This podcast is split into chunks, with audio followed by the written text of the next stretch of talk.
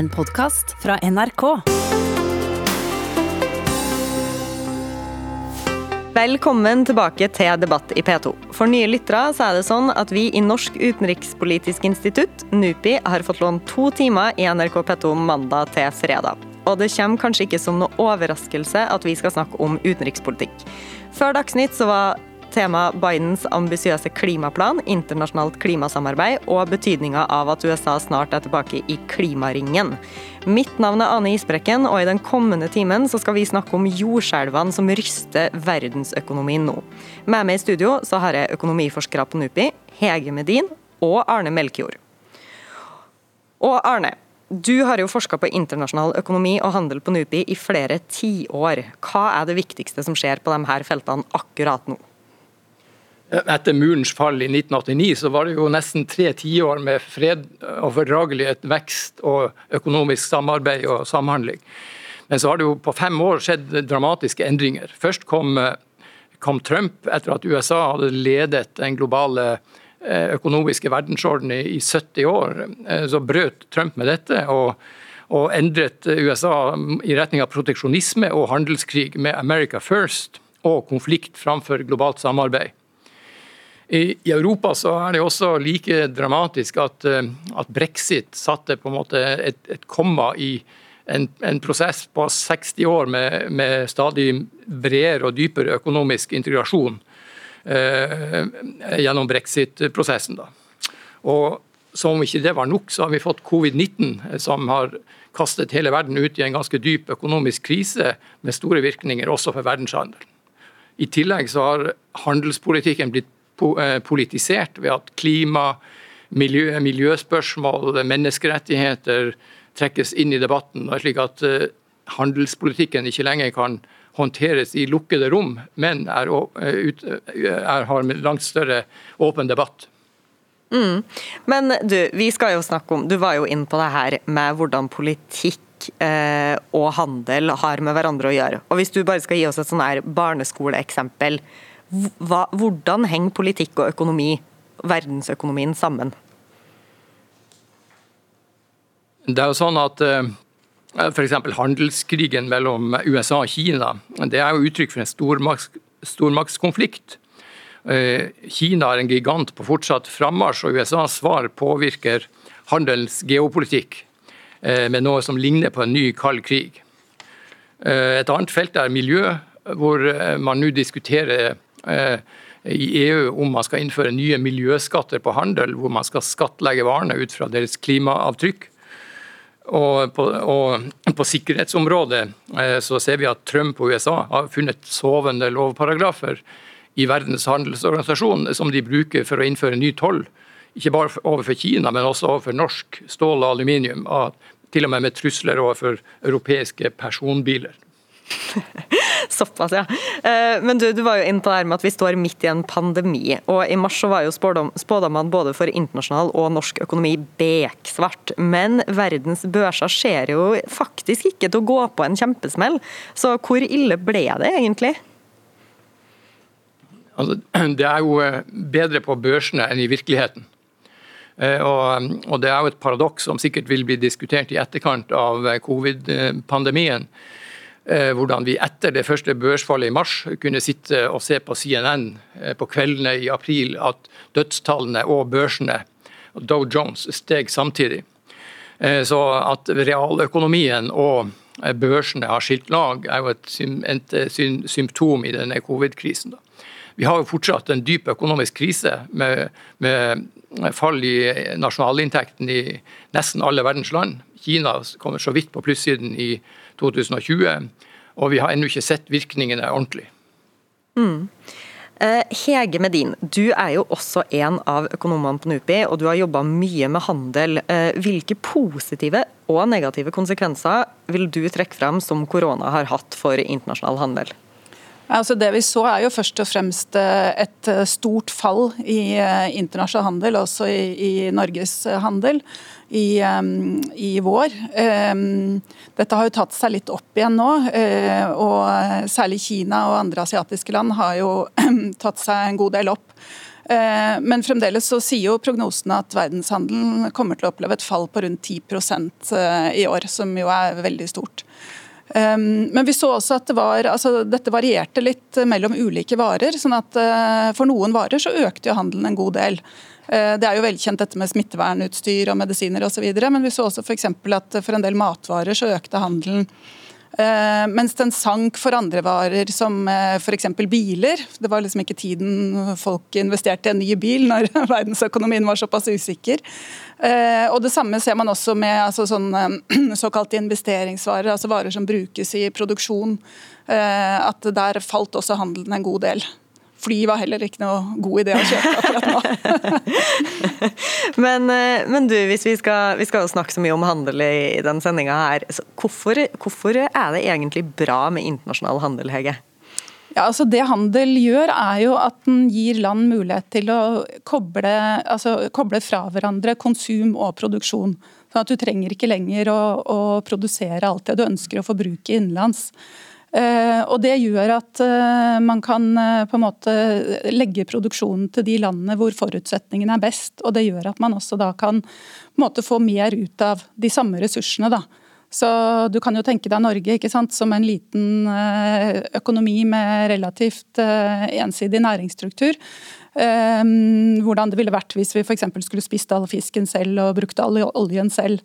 Eh, så det at vi kan delta i handel, eh, gjør jo at vi kan kjøpe varer som vi trenger, som eh, mobiltelefoner og biler og medisiner. Mens vi kan få, få solgt fisken vår og oljen vår. Mm. Hva slags varer er det vi eksporterer og importerer mest av? Ja, det er jo Først og fremst olje er jo det desidert eh, viktigste. Eh, så er jo fisk eh, en viktig vare. Vi har også en del eksport av metaller og kjemikalier. På importsiden så er det jo mer diversifisert. Vi har jo en del import av mat, selv om vi også produserer en del selv. Og ellers så, ja, så er det et stort spekter, egentlig. Men hvis vi, eh, hvis vi skulle stengt grensene våre helt, hvordan hadde det sett ut da? Hva hadde vi, hadde vi sulta i hjel, eller hadde vi kun spist fisk, eller hva er det? Ja, la meg først føye til om det vi eksporterer at tjenester har blitt stadig viktigere over tid. Så F.eks. skipsfarten har jo alltid vært en viktig eksportnæring. og og Det som er litt spesielt med Norge, det er jo at vi er en råvareprodusent og tjenesteprodusent som er veldig involvert i internasjonale verdikjeder. Det betyr at eh, andre land bruker olje i sin produksjon. Eh, de bruker norsk fisk i Polen til å lage bearbeidede varer som de selger videre. og eh, Bilene som Japan selger til USA, fraktes av norske skip, som nå ligger i opplag på Vestlandet fordi at det er nedgangstider. Mm. Når det gjelder det å stenge ned, så er det klart at som Hege var inne på, så så har vi en ensidig næringsstruktur. slik at hvis vi stengte helt for handelen, så ville vi få veldig mye fisk til frokost. Mm. Og, eh, i, i, i, kostholdet, og vi ville få veldig billig bensin.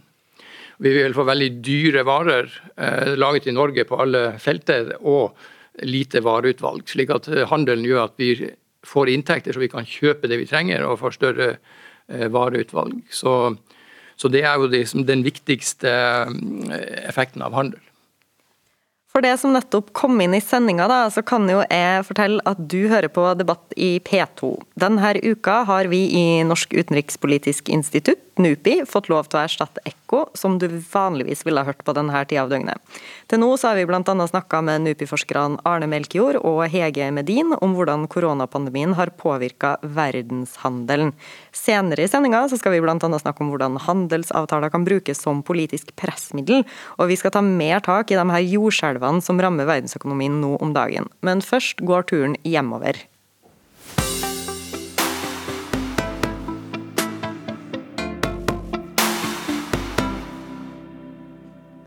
Ja, for Hege, eh, hvem er det egentlig vi i Norge er aller mest avhengig av når det kommer til handel?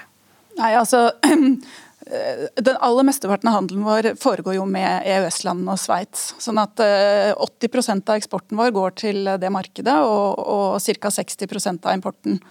Ehm, sånn at det er jo det desidert viktigste markedet. Um, og i, i, dette så er jo Storbritannia et uh, veldig viktig land som nå går ut av uh, EØS-avtalen ved årsskiftet. Og, sånn at uh, Andelen som går til EØS kommer jo til å falle med, når det skjer.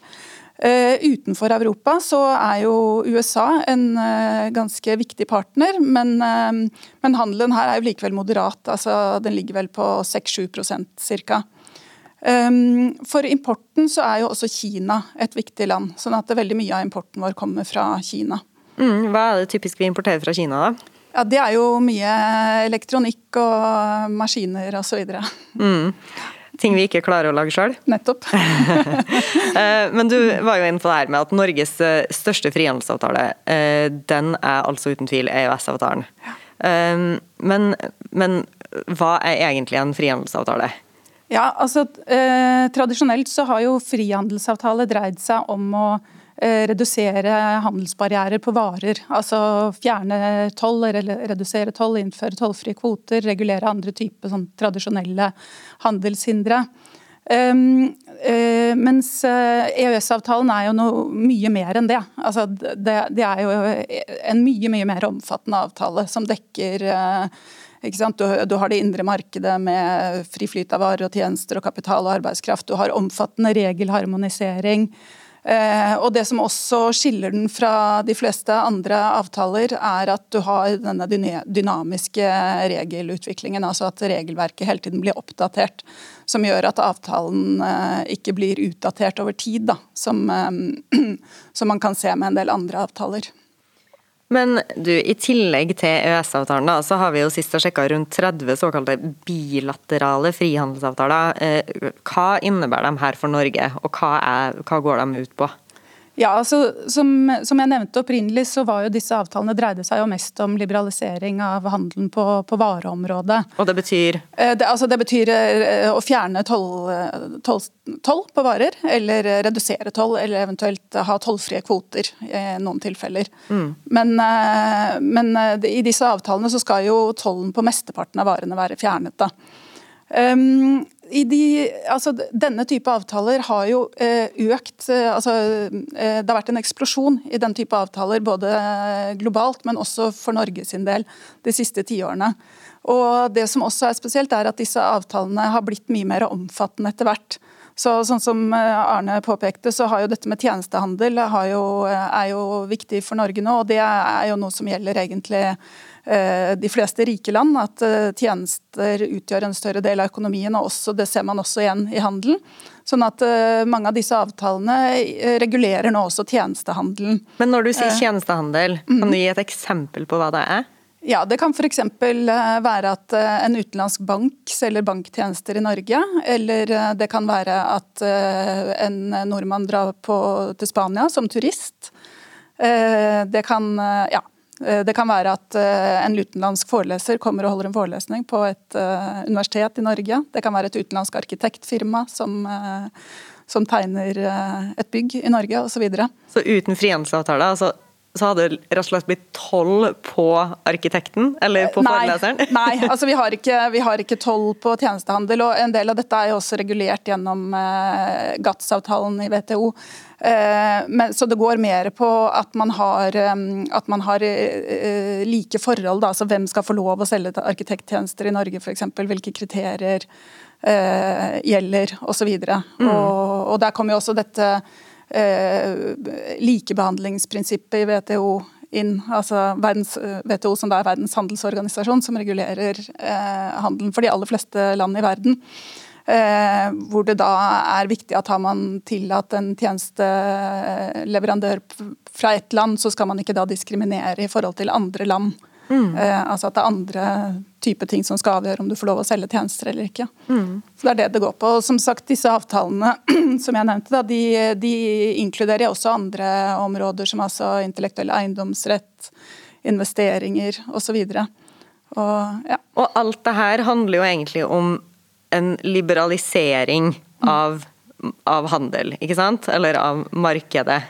Ja, en liberalisering, men også at du har et eh, felles regelverk, ikke minst, som er veldig viktig. Og så kan du jo si at En bieffekt av det er jo at det blir lettere å handle med hverandre. da. Mm. Eh, men, men, det er like mye det at du, du, har, eh, at du har et felles regelverk og et transparent regelverk, sånn at du vet hva du har å forholde deg til. Du vet hvilke vilkår som gjelder når du skal eksportere til et marked. Ja, Men mm. sånn som USA, da, som for eh, mange er kapitalismens vogge. Der har vi jo ikke noe frihandelsavtale. Hvorfor har vi ikke det? Nei, det har vi ikke. Og det, altså, som jeg nevnte, så er jo USA den viktigste partneren, eller en av de viktigste partnerne utenfor Europa. Eh, så sånn sett så hadde det jo vært av interesse for Norge, tenker jeg, å ha en avtale der.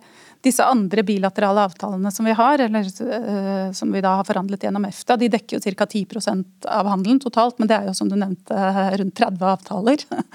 Mens USA alene dekker 6-7 Um, sånn at, uh, men nå ser vi også at USA har jo ikke vært like ivrig som Norge og EU på det å, å forhandle sånne bilaterale avtaler. Altså Norge er uh, et av de landene med størst nettverk av sånne avtaler. Og EU har enda flere, mens USA har jo betydelig færre og har kanskje vært mest konsentrert om uh, sin egen region. Da. og du har NAFTA-avtalen osv. Ehm, men, eh, men, det var jo eh, det var forhandlinger på gang mellom EU og USA om en omfattende handels- og investeringsavtale for noen år siden. Ehm, hadde det blitt noe av, så hadde det vært høyaktuelt for Norge å forsøke å, å, tilknytte seg på en eller annen måte eller eh, forhandle en lignende avtale. Ehm, men det man så var at altså, her var ambisjonene veldig store. Det var, og dette gikk langt utover dette med toll, reduksjon i tollsatser. Altså, her var det snakk om regelharmonisering osv. Og, så og redusere såkalte ikke-tariffære handelshindringer. da. Mm. Um, men de forhandlingene strandet. Uh, og um, vi ser, altså det var vanskelig å komme til enighet på en del områder. USA har f.eks et annet regelverk når det gjelder matvarestandarder, eh, hvor de i mye større grad tillater genmodifisert mat osv. Det er det vanskelig for Europa å svelge. Og regelharmonisering handler jo om nettopp sånne ting. At, eh, at du må tillate hverandres produkter i hverandres markeder. Eh, USA ivret også for å få inn dette med investorbeskyttelse og en sånn såkalt investor-stat-tvisteløsningsmekanisme. Dette blir litt teknisk. men, eh, men, som også var vanskelig for Europa å akseptere, i hvert fall i den formen som ble diskutert. Mm. Sånn at uh, dette strandet, og i 2016 og med Trump når Trump kom til makten, så var det på en måte ikke så aktuelt å ta opp akkurat de forhandlingene. Nei, og han skal vi snakke ganske mye mer om etter hvert. Eh, men eh, for å gjøre oss litt ferdig med, med Norge for den eh, omgangen her, da, så er det jo sånn at selv om mesteparten av handelen vår er med Europa, så hører vi jo stadig om utenlandske investeringer i Norge fra f.eks. Kina. Og da lurer jeg på hvor omfattende er utenlandske investeringer av selskaper fra land utenom Europa i Norge? Ja, altså dette med utenlandske investeringer er jo også en viktig del av uh, uh, internasjonal økonomi. Og I Norge så er det sånn at de bedriftene som er kontrollert av utlendinger, de sysselsetter ca. 20% av arbeidsstyrken i, det private næringslivet. Um, sånn at de, og, og, de står for en enda større del av omsetningen. Eh, sånn at Dette er jo viktige aktører, men igjen så ser vi at det er EØS-landene eh, e som er de desidert viktigste. Altså de, de står vel for omtrent 80 eh, av sysselsettingen i de utenlandskeide bedriftene. USA er også her ganske viktig, står på for 14% så det er klart at det er lite, lite egentlig fra land utenfor disse tradisjonelle investorlandene som Europa og USA. Eh, men samtidig så ser vi at det også altså det er en trend til at eh, investeringer fra mer utradisjonelle land da, og mellominntektsland øker. Så Kina eksempel, i dag sysselsetter 2,5% av arbeidsstyrken i de utenlandskeide bedriftene. Så, så, dette, så, dette, er jo lavt foreløpig, men vi ser at det har vært en eh, nei, unnskyld, en tredobling de siste fem årene. Mm, hva er det som er positivt eller negativt da med, med det her? Doblinga? Ja, altså um, Mye forskning viser jo at den type investeringer har en positiv effekt på økonomien. Uh, altså Disse utenlandskeide selskapene er jo ofte store, veldig profesjonelle selskaper som sitter på ny teknologi, så de er innovative, de driver med forskning. Og at de har positive effekter på økonomien. Da. Ofte betaler de også høyere lønninger. Um, uh, men uh, samtidig så ser man jo også at det er, uh, det er en viss skepsis mot disse selskapene. Og det er usikkert på en måte om det at de er mer produktive enn de innenlandske, om det på en måte smitter over til resten av økonomien. da. Og Man ser jo særlig at det er en skepsis mot dem i forhold til, dette, til selskaper som kommer fra land som er forskjellige fra Norge. F.eks. når det gjelder arbeidsstandarder. da. Mm. Så Det er jo stadig en bekymring om disse selskapene kjenner godt nok til norsk lovverk. Eh, men her er forskningen, eh, det er veldig lite forskning på dette, så dette vet man egentlig ikke så veldig mye om. Mm. Vi snakker altså om intet mindre enn verdensøkonomien her i Debatt i P2 i dag. Og for det som nettopp har begynt å høre på sendinga, så er det sånn at eh, vi i Norsk utenrikspolitisk institutt, NUPI, som har fått lov til å lage radio for dere i dag. Og til nå så har vi snakka om hvordan koronapandemien påvirker verdensøkonomien, og lille Norge sin rolle i det hele. Med oss i studio så er NUPI-forskere Hege Medin og Arne Melkjord.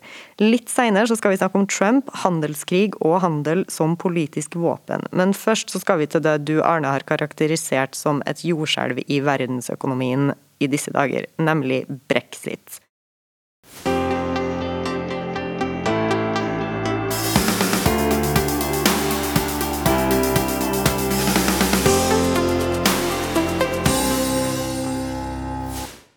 For vi må snakke litt om Storbritannia. Ved utgangen av året i år så er det sånn at overgangsperioden for brexit er over. Og Arne, et av de viktigste landene i Norges viktigste handelsavtale, EØS, skal altså ikke være med lenger. Hvor krise er det? Eh, det er jo veldig viktig fordi at, Storbritannia er en handelspartner omtrent på linje med USA. Like stor som de 30 landene Norge har fri handelsavtale med gjennom EFTA. Og dette, det er jo også et veldig omfattende samarbeid vi har. det, gjennom EØS-avtalen, hvor eh, vi gjorde en vareopptelling i en bok eh, vi nylig ga ut om EØS-avtalen, hvor vi telte opp Norges avtaler med EU. Og Norge hadde da i 2019 96 avtaler med EU, hvor av EØS er én av de. da.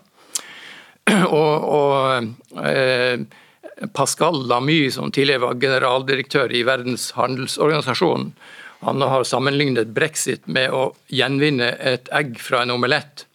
Og, og, og dette er, Det er et samarbeid som er nedfelt på veldig mange felter. Det er ikke bare toll og handel. Det er eh, migrasjon, og det er forskning og utdanning og personbevegelser og sosiale trygder. og For å knytte an til, eh, til Heges eh, omtale av investeringer, så, så har jo Norge en, en, en, særregel som gjør at EØS-borgere kan sitte i styrer og ledelsen av utenlandskeide selskaper. Eh, men her er det jo 700-800 briter som sitter i eh, styrer som må gjøre noe med det fra 1.1. Yes. Så, så, man jobber med en overgangsordning. Da. Så dette er bare ett av, av veldig mange eksempler. Og Situasjonen er jo at man har overgangsordninger, men framtiden er litt usikker. Mm. Men, men, eh, når Storbritannia nå går ut av EØS, hvilke store problem kan brexit potensielt skape for norsk handel? Eh, man har heldigvis fått på plass en, en overgangsavtale som gjelder fra 1.1, fordi at eh, forhandlingene om en langsiktig frihandelsavtale de er ikke i mål. Man venter på at Storbritannia og EU skal bli ferdige. og, og eh, Derfor så, så, er avtalen mellom Norge og Storbritannia enda ikke klar. Så man har en avtale som sikrer at, at, at handelen kan gå videre fra årsskiftet for en periode. Man håper at den blir relativt kortvarig, kanskje et par måneder. Hvis den varer lenger, så vil man få mer sand i maskineriet ettersom Storbritannia innfører nye grensekontroller etc. Hvis EU ikke blir enig med Storbritannia, så kan det jo bli virkelig det som omtales som hard brexit. Eh, hvor man frykter at det kommer 15 000 trailere per dag på Dover. Eh, og, det vil jo også ramme norsk handel. Men mm. Eh, håpet er at Norge får på plass en, en god handelsavtale som sikrer dette videre. Men hva er de viktigste interessene som Norge jobber for å ivareta etter brexit? Arne? Det er sånn at uh, Oljenæringa er ikke så veldig berørt av disse handelsreglene. slik at den Prognosen er at den kan gå bra uansett. Men, uh, men annen handel og andre uh, typer samarbeid vil jo endres. og, og er det For varehandelen så er jo f.eks. sjømateksport viktig. Norge håper på å få enda bedre handelsvilkår enn i EU, der det fortsatt er toll på en del av sjømateksporten. Men det er ikke avklart før man har en avtale på plass. Og Norge har jo en akilleshæl i handelspolitikken som er at vi er blant de land i verden som har aller høyest beskyttelse på landbruksområdet. Med toll på flere hundre prosent på, på, sentrale produkter som kjøtt og melkevarer. da, meierivarer. Så, og Der har Storbritannia stilt krav om at hvis vi skal ha bedre adgang for sjømat, så vil de ha bedre adgang for landbruksvarer. Så dette er på en måte satt på spissen i disse forhandlingene, og det er enda ikke løst. Men kan avtalen vi lander på med Storbritannia potensielt få noen positive konsekvenser da, for eh, meg, f.eks.? Mannen i gata? Ja, det er jo slik at eh, For det første så håper vi at handelen ikke eh, blir skadet av nye restriksjoner. Men, men, men noe blir ikke som før. For så kommer det mer grensekontroll dersom ikke Storbritannia skulle velge en EØS-aktig modell. Og Det er det lite som tyder på. fordi at Eh, brexit er jo et uttrykk for at de ønsker å som de sier, take back control. At de skal bestemme egne regler og ikke være en del av regelverksutviklinga i EU. Så kan det jo, Hvis man får en god handelsavtale, så kan jo norsk sjømateksport eh, øke. og da Hvis denne mannen i gata kommer fra fiskebruk eller, eller, eh, eller fiskerinæringa, få økte inntekter og dermed kommer bedre ut. For landbruksvarer så kan jo eh, eventuelt norsk landbruk få litt større konkurranse, og mannen i gata kan få tilgang til britiske landbruksprodukter som de satser på å eksportere. Mm. Men eh, apropos det, da, Arne, så er jo du aktuell med en bok om sjømatnæringa, EØS og Europa. og Her ser dere jo på de tingene her. Og her til land så vil vi jo gjerne ha frihandel på sjømat. Vi vil gjerne selge laksen vår uten å møte på noen noe tollbarrierer. Eh, men landbruksvarer vil vi jo at skal være dyr å selge til oss fra utlandet. Så den franske osten blir ekstra dyr å kjøpe. Er ikke det her å be om å få i både pose og sekk? Eh, det er jo en motsetning, og mange land har den typen motsetninger i handelspolitikken mellom offensive interesser og, og beskyttelseshensyn. da. Og Da må jo myndighetene fatte et valg eh, og, og avveie disse ulike hensynene. Og det er jo slik at, eh, at Hensynet til f.eks. Bosetting og landskapsvern kan jo ivaretas på andre måter enn å ha toll på flere hundre prosent, som fører til at Norge har verdens høyeste priser på landbruksvarer. Så, så det finnes andre måter å ivareta hensyn til distriktene enn dagens landbrukspolitikk. Så, så, her må man diskutere hvilke muligheter Norge har da, for å ivareta de hensynene, samtidig som man eh, får en bedre handelspolitikk. Og Det diskuteres jo ofte ganske heftig, men, og det finnes jo til og med dem som mener at vi skal melde oss helt ut av EØS. Hva er hovedargumentet deres? Altså, for det første så Ja, det er jo, altså, det er jo en del mer allmenne eh, Eh, diskusjoner rundt EØS-avtalen. Det, det, viktigste er jo at Norge ikke deltar i beslutningene på mange av de nye reglene som fattes, men eh, må følge regelutviklinga i EU. da. Så Det er jo et, eh, en, en, diskusjon i, i, Norge om det såkalte demokratiske underskuddet i EØS-avtalen. Så altså Ved medlemskap så ville jo vi bli A-medlemmer istedenfor B-medlemmer i alle de 96 avtalene og vi ville delta i beslutningene på en annen måte. Samtidig så er det slik at alternativene uten EØS er, eh, det viser jo litt i denne boken, at eh, for det første vil jo det bety veldig vanskelige forhandlinger eh, med EU og det å få på plass f.eks. en løsning som Sveits har med 140 avtaler, er ikke lett. Og vi kan tape mye økonomisk på å miste de fordelene som EØS-avtalen gir. Mm -hmm.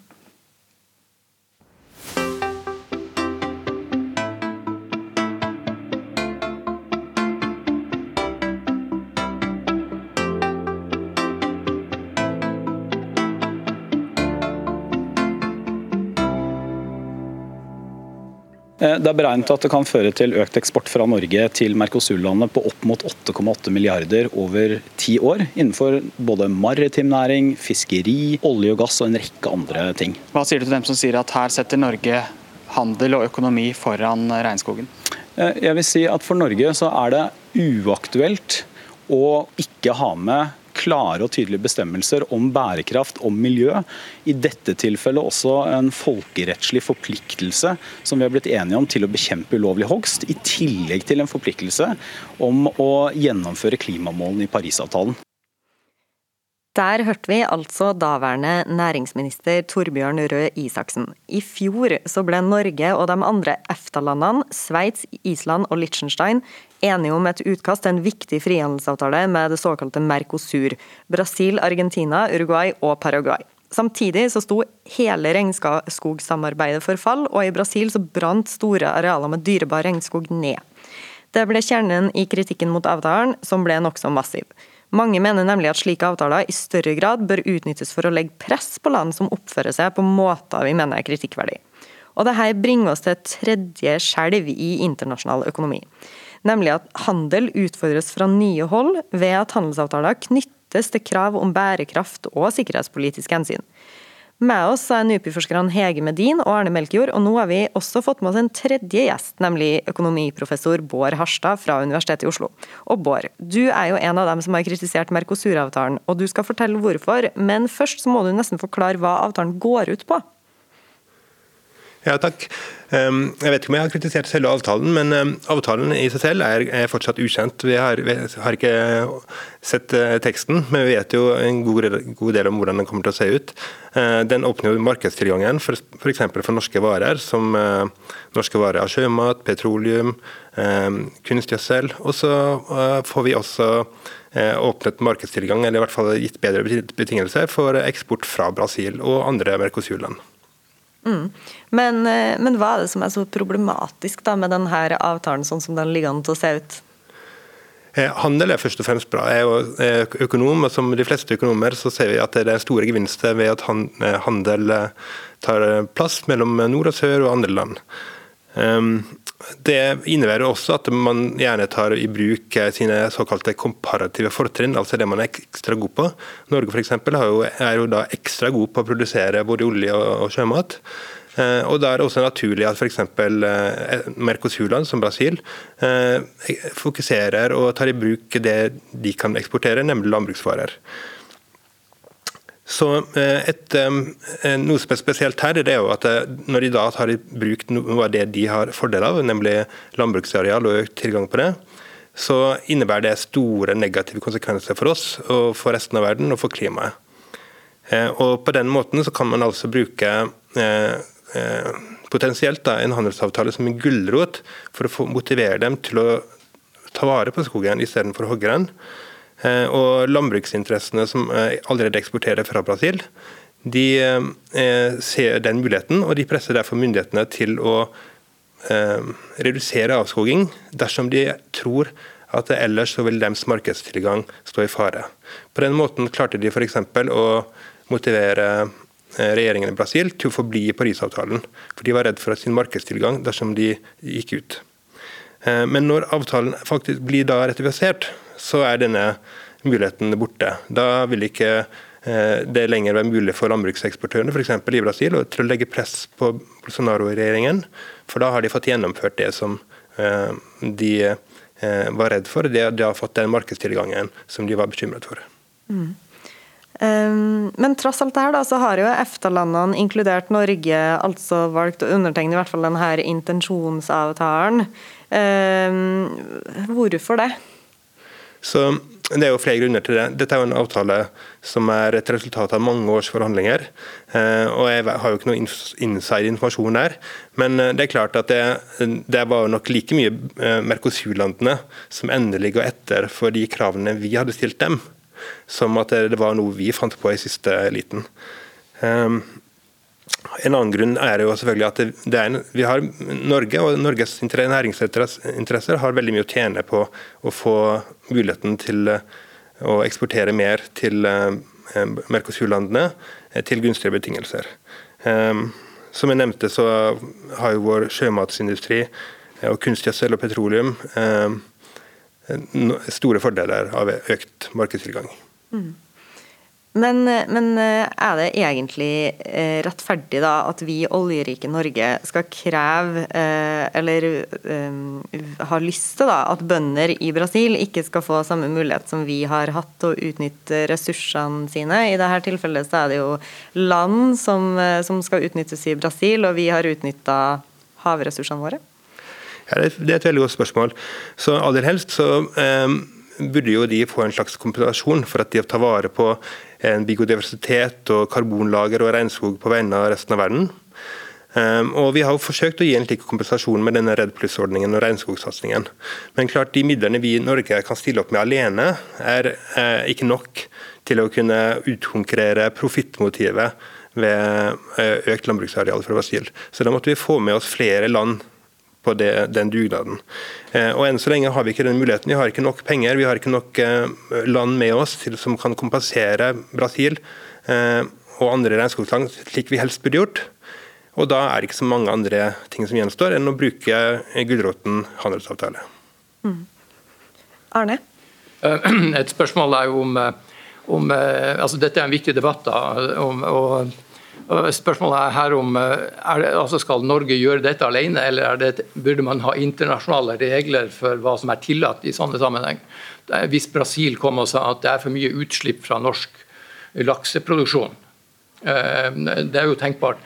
Altså Kan de selv si det, eller skal det finnes en internasjonal standard? Så, så det, er sånn, det er jo en grunn til at uh, små land er på en måte mer tilbakeholdne med å være verdenspoliti og sier at, eh, at, dette må håndteres i andre avtaler, mens store land er mer tilhengere av pisker og gulrøtter i handelspolitikken. Hvordan, men Bård, hvordan eh, kunne man liksom ha tenkt seg da, at en handelsavtale som denne kunne ha blitt eh, gjort, kunne ha motivert til å drive med skogvern, hvis man tar utgangspunkt i sånn, sånn som situasjonen er nå? Ja, altså En handelsavtale er jo grunnleggende bra. Um, altså Det man kan, kan, gjøre, i så fall, det er jo å tilby en veldig gunstig handelsavtale, altså gunstige betingelser med lave tollsatser fra varer fra Brasil, så lenge skogdekket er, uh, er høyt. Uh, mens avtalen kan samtidig si at uh, dersom skogdekket endrer seg og blir lavere, så kan tollsatsene på varene vi importerer fra Brasil, øke. Det, det, er fullt mulig at det kan stå eksplisitt i avtalen. Og Motsatt så kan tollsatsene på våre varer, de varer vi eksporterer til Brasil, reduseres. Det som dette fører til, at, at eh, betingelsene i avtalen eh, vil endre seg, og det blir mindre gunstig for Brasil eh, dersom skogdekket blir lavt med en sånn type avtale. Og Hvis endringen er tilstrekkelig stor, så kan det, være, eh, kan det motivere Brasil å få Brasil til å være tjent på å bevare skogdekket og dermed sine gunstige handelsbetingelser. Mm. Har vi noen eksempler på handelsavtaler som har blitt brukt til å presse regimer eller politikere i en bestemt retning tidligere? Ja, eh, Jeg er ikke historiker, men et eh, veldig kjent eksempel er jo når eh, Russland ratifiserte Kyoto-avtalen. Så var det på en et slags eh, samarbeid mellom EU, der EU støttet Russlands eh, entry til WTO. Mot at Russland da ratifiserte Kyoto-avtalen. Og Det var viktig for EU, for at det da, kun da var tilstrekkelig mange som ratifiserte Kyoto-avtalen til at den ble juridisk bindende. Et annet eksempel det er jo faktisk det vi ser nå. Når, selv om e, Norge og EFTA er ganske passive i den forhold til eh, om vi skal endre Mercosur-avtalen nå, så er EU ganske aktive. og Spesielt eh, Frankrike og Nederland de har jo tatt initiativ til at eh, tollsatsene kanskje burde reduseres gradvis, etter hvert som vi ser at, at de bærekraftsbetingelser som vi stiller til f.eks. Brasil, faktisk blir gjennomført. Vi har jo snakka mye om hvorfor internasjonal handel er ønskelig. Eh, men hvordan er det knytta opp mot bærekraft? Eh, Hege, ville det vært mer miljøvennlig å bare begrense handel på kryss og tvers av verden? Altså, du kan jo si at Handel eh, fører jo til eh, økt transport, fordi varer må transporteres over landegrensene. og sånn sett, eh, Isolert sett så fører jo det til mer forurensning og utslipp av klimagasser. Men det er jo bare én effekt. og Som jeg var inne på tidligere, så er jo en viktig effekt av handel er jo nettopp det at produksjonen blir mer effektiv. Både ved at, at, du legger produksjonen til de landene der hvor forholdene er best, men også at produksjonen innad i land blir mer effektiv. Med at når du åpner markedene, så er det slik at mer produktive bedrifter vokser, mens mindre produktive bedrifter blir mindre eller eller legges ned. Sånn at uh, du har både positive og negative um, effekter. Um, så har du en fare for dette med karbonlekkasje, som blir diskutert. Og som, altså, som, betyr at når rike land innfører strengere miljøreguleringer, så er det slik at produksjonen faktisk blir mer miljøvennlig, eller er det bare slik at produksjonen flytter til andre land med svakere reguleringer. Nå jo, har man vel ikke egentlig klart å finne sånn veldig store sånne effekter i litteraturen, eh, men det er også vanskelig å identifisere og skille fra andre effekter. Eh, men dette eh, initiativet til EU med en karbongrenseskatt er jo nettopp et forsøk på å bøte på dette, da, hvor man tenker seg at altså EU, I EU så betaler jo industrien for CO2-utslipp gjennom eh, kvotehandel. Og Tanken er da at man skal at utenlandske bedrifter som vil selge i EU-markedet, da skal betale en tilsvarende avgift. Men her er det jo en del ting som er usikkert i forhold til implementeringen av dette her, og hvorvidt det er kompatibelt med regelverk i Verdens handelsorganisasjon. Så det er mye som er uavklart. Mm. Vi må videre. Eh, tusen takk til deg for at du var med oss i dag, Bård Harstad, forsker ved Universitetet i Oslo. Vi har altså snakka om hvordan handel kan brukes som politisk pressmiddel her i Debatt i P2 i dag. Det er vi i Norsk utenrikspolitisk institutt, NUPI, som står for denne totimerssendinga, og ekspertene vi har med oss videre i sendinga er Hege Medin og Arne Melkjord fra NUPI. Tidligere så har vi vært innom tre jordskjelv, om vi kan kalle det det, i verdensøkonomien. Koronapandemien, brexit og handel som er under press fra bl.a. bærekraftshensyn. Nå skal vi til det fjerde og spørre hva skjer når handel blir til krig?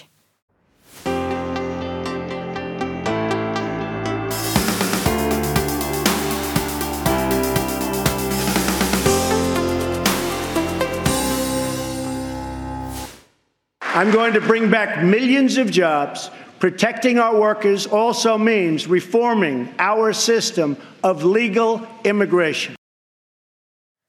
Ja, en av Trumps fanesaker var jo nettopp å få jobbene tilbake til USA. Jobber han mente globaliseringa hadde frarøva dem. Hadde han noe rett i det, Hege? Altså, Til en viss grad så, så, hadde han litt rett i det. Altså, USA har jo opplevd som mange andre vestlige land en nedgang i sysselsettingen i industrien over mange år. Eh, nå har den tatt seg opp igjen de siste ti årene, men, eh, men eh, det har vært en stor nedgang. Og En stor og viktig studie som studerte effekten av dette Kinasjokket, altså Kinas inntreden på verdenshandelen, og hvilken effekt det hadde hatt på sysselsettingen i eh, USA, viste at dette dette Kinasjokket da eh, sto for ca. en fjerdedel av nedgangen i sysselsettingen i industrien. Så at globaliseringen har hatt en viss effekt, er jo riktig, men samtidig så er det nok ikke den viktigste effekten. Og Den viktigste årsaken til nedgangen er nok mer teknologisk utvikling, og det at man nå i mye større grad kan ha maskiner til å gjøre de samme jobbene som mennesker gjorde tidligere. Uh, og Det gjør jo også at, uh, at, det er vanskeligere å få disse arbeidsplassene tilbake igjen. Da, ved å, uh, særlig ved å innføre tollsatser osv., så sånn som Trump har gjort. Fordi at Selv om han skulle da lykkes i å kanskje få tilbake noe av stålproduksjonen, så betyr ikke det at han får tilbake stålarbeiderne. Mm. Men, men han, eh, altså nå er det jo litt spesielt med koronapandemi og permittering over hele verden, men, men før, eh, hvis vi ser på før koronapandemien, da, hvor godt lyktes han egentlig å få tilbake de her jobbene som han sa at han skulle få tilbake? Eh, ikke veldig godt. Han, han, lyktes faktisk litt i å få tilbake noen få jobber i stål- og aluminiumsproduksjonen. Eh, og generelt i næringer som var da konkurranseutsatt fra Kina, som fikk økt beskyttelse med Trump sine tollsatser. Mm. Men den lille positive effekten ble jo mer enn oppveid av negative sysselsettingseffekter andre, eh, på andre områder. Da. Og Da er det jo særlig to ting som var viktig. Det ene var at eh, eh det ble jo, Kina kom jo med mottiltak, ikke sant? sånn at eh, amerikanske eksportbedrifter møtte høyere tollsatser, og det rammet arbeidsplassene i eksportnæringene. I tillegg så er det den viktigste effekten den kommer jo av det at eh, eh, bedrifter i dag I dag så er det jo sånn at produksjon av veldig mange varer det foregår ikke innad i et land, sånn som man ofte tenkte seg at det gjorde før. Altså, Verdikjeder er i stor grad globale, produksjon er fragmentert rundt omkring i hele verden. Så noe lages i Kina, noe lages i Tyskland, noe lages i USA? Ja, nettopp. Ja. Altså, kan, et veldig klassisk eksempel er en iPhone som består av eh, innsatsvarer fra over 30 forskjellige land mm. over hele verden. Eh, sånn at, eh, og det, dette er karakteristisk for mye av produksjonen i dag. Eh, det betyr at amerikanske produsenter, bilprodusenter f.eks., er jo avhengig av eh, både råvarer som stål osv. fra utlandet, men også halvfabrikatet, altså deler og, eh, og, sånne ting. Og Denne tollen som Trump da innførte, den rammet jo nettopp også denne type import. Sånn at det gjorde at ja, bilprodusenter, spikerprodusenter f.eks. fikk økte kostnader Eh, og Dermed så ble, så ble, bedriftene mindre lønnsomme, og sysselsettingen gikk ned. Mm. Du nevnte jo så vidt det her med at han innførte toll på varer fra Kina, og vi skal snakke litt mer om det. Eh, for det han gjorde, Donald Trump, i 2018, det var jo at han innførte toll på stål og aluminium. Eh, og det her ble fort Eh, stempla som en handelskrig. Kan du si litt om det, Arne? Hva var det egentlig han gjorde, og, og hva er en handelskrig? Trump han varmet jo opp med kjøleskap og slikt, som som tiltak som var innenfor regler til Verdens handelsorganisasjon. Ja vel, kan du Ja, altså Innførte restriksjoner på import av eh, enkelte varer. Ja. Så, men det var på en måte proteksjonisme, men i tråd med de smutthullene som finnes i lovgivninga på feltet. da. Mens stål og aluminium, da brukte han en sovende paragraf om sikkerhetspolitikk, som på en måte sier at du kan sette frihandelen ut av kraft hvis det er krig eller konflikt. Men han hevdet at importen av stål og aluminium fra alle verdens land, inkludert Europa og Norge, var på en måte en sikkerhetsrisiko for USA. Så dette var på kanten av regelverket. Det har utløst masse klagesaker og mottiltak fra andre land. Så, eh, så omtrent hele verden er enig at dette var på en måte et eh, tiltak som var på kanten av regelverket. Da.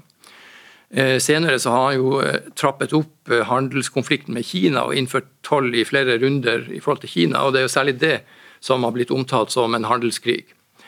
Så, så det er på en måte hovedsaken i Trumps handelskrig. Det er en polarisering og konflikt i forhold til Kina som, har, ja, som, som ikke er løst. Og De inngikk en foreløpig handelsavtale, men det var jo en ny type handelsavtale som utsatte noen av de tolløkningene han hadde lovet.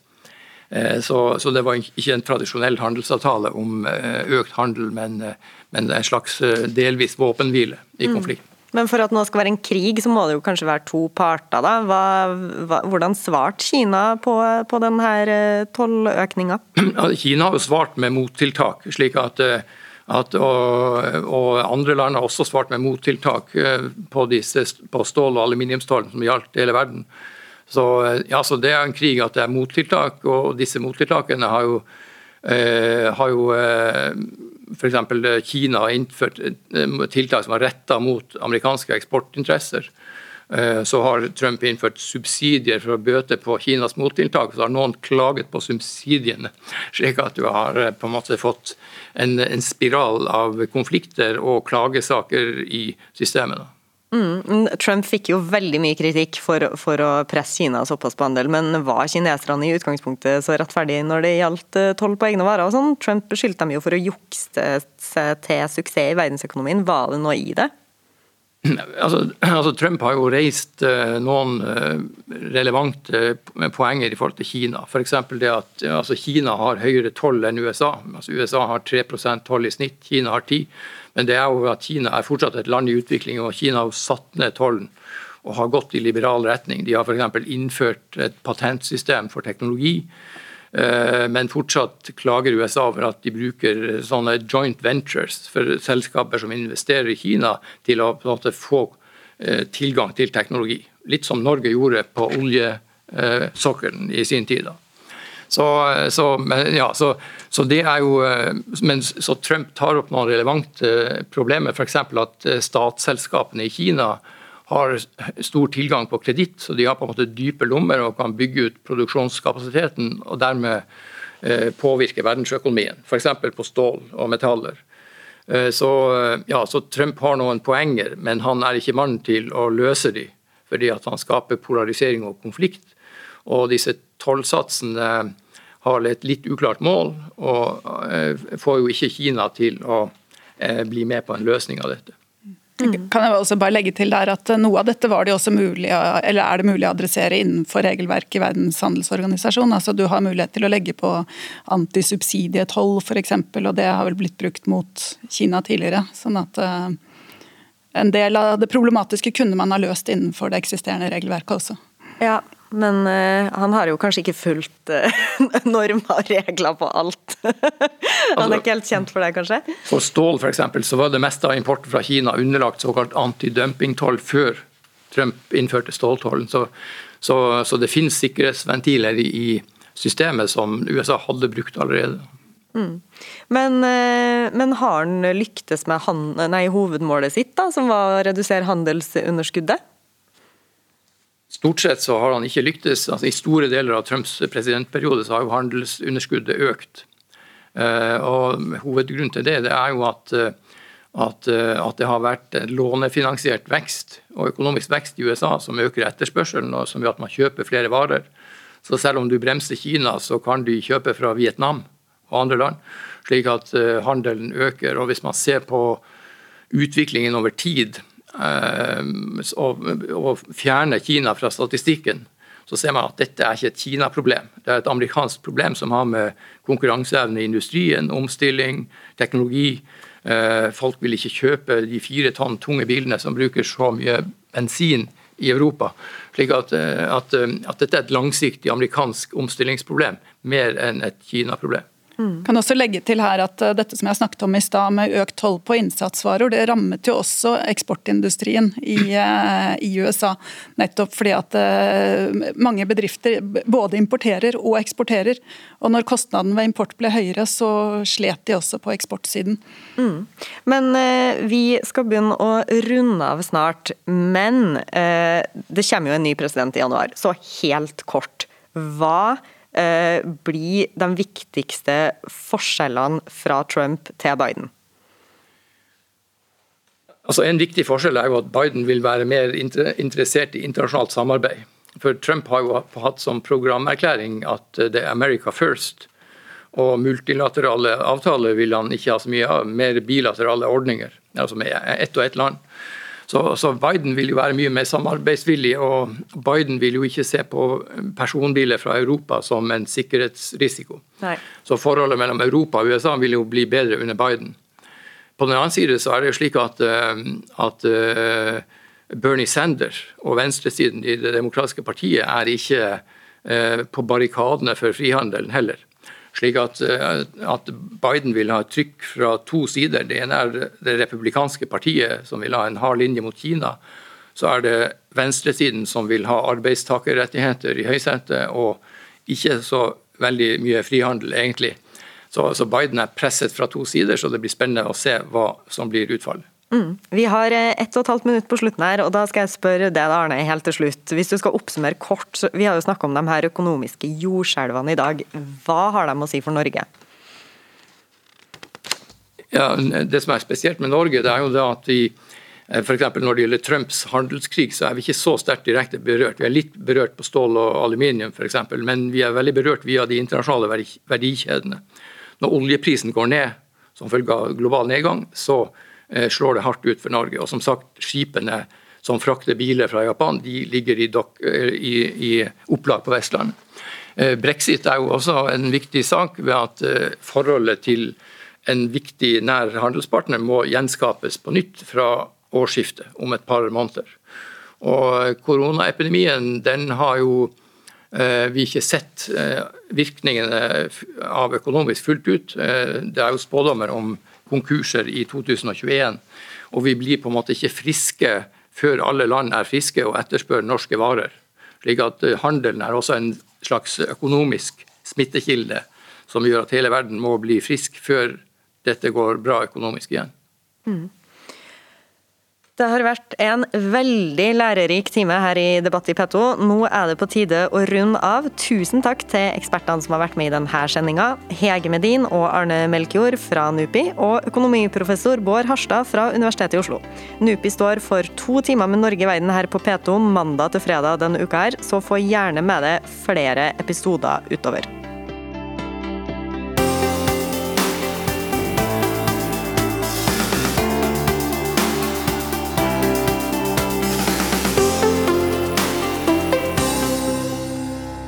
Du har hørt en podkast fra NRK. Hør flere podkaster og din NRK-kanal i appen NRK Radio.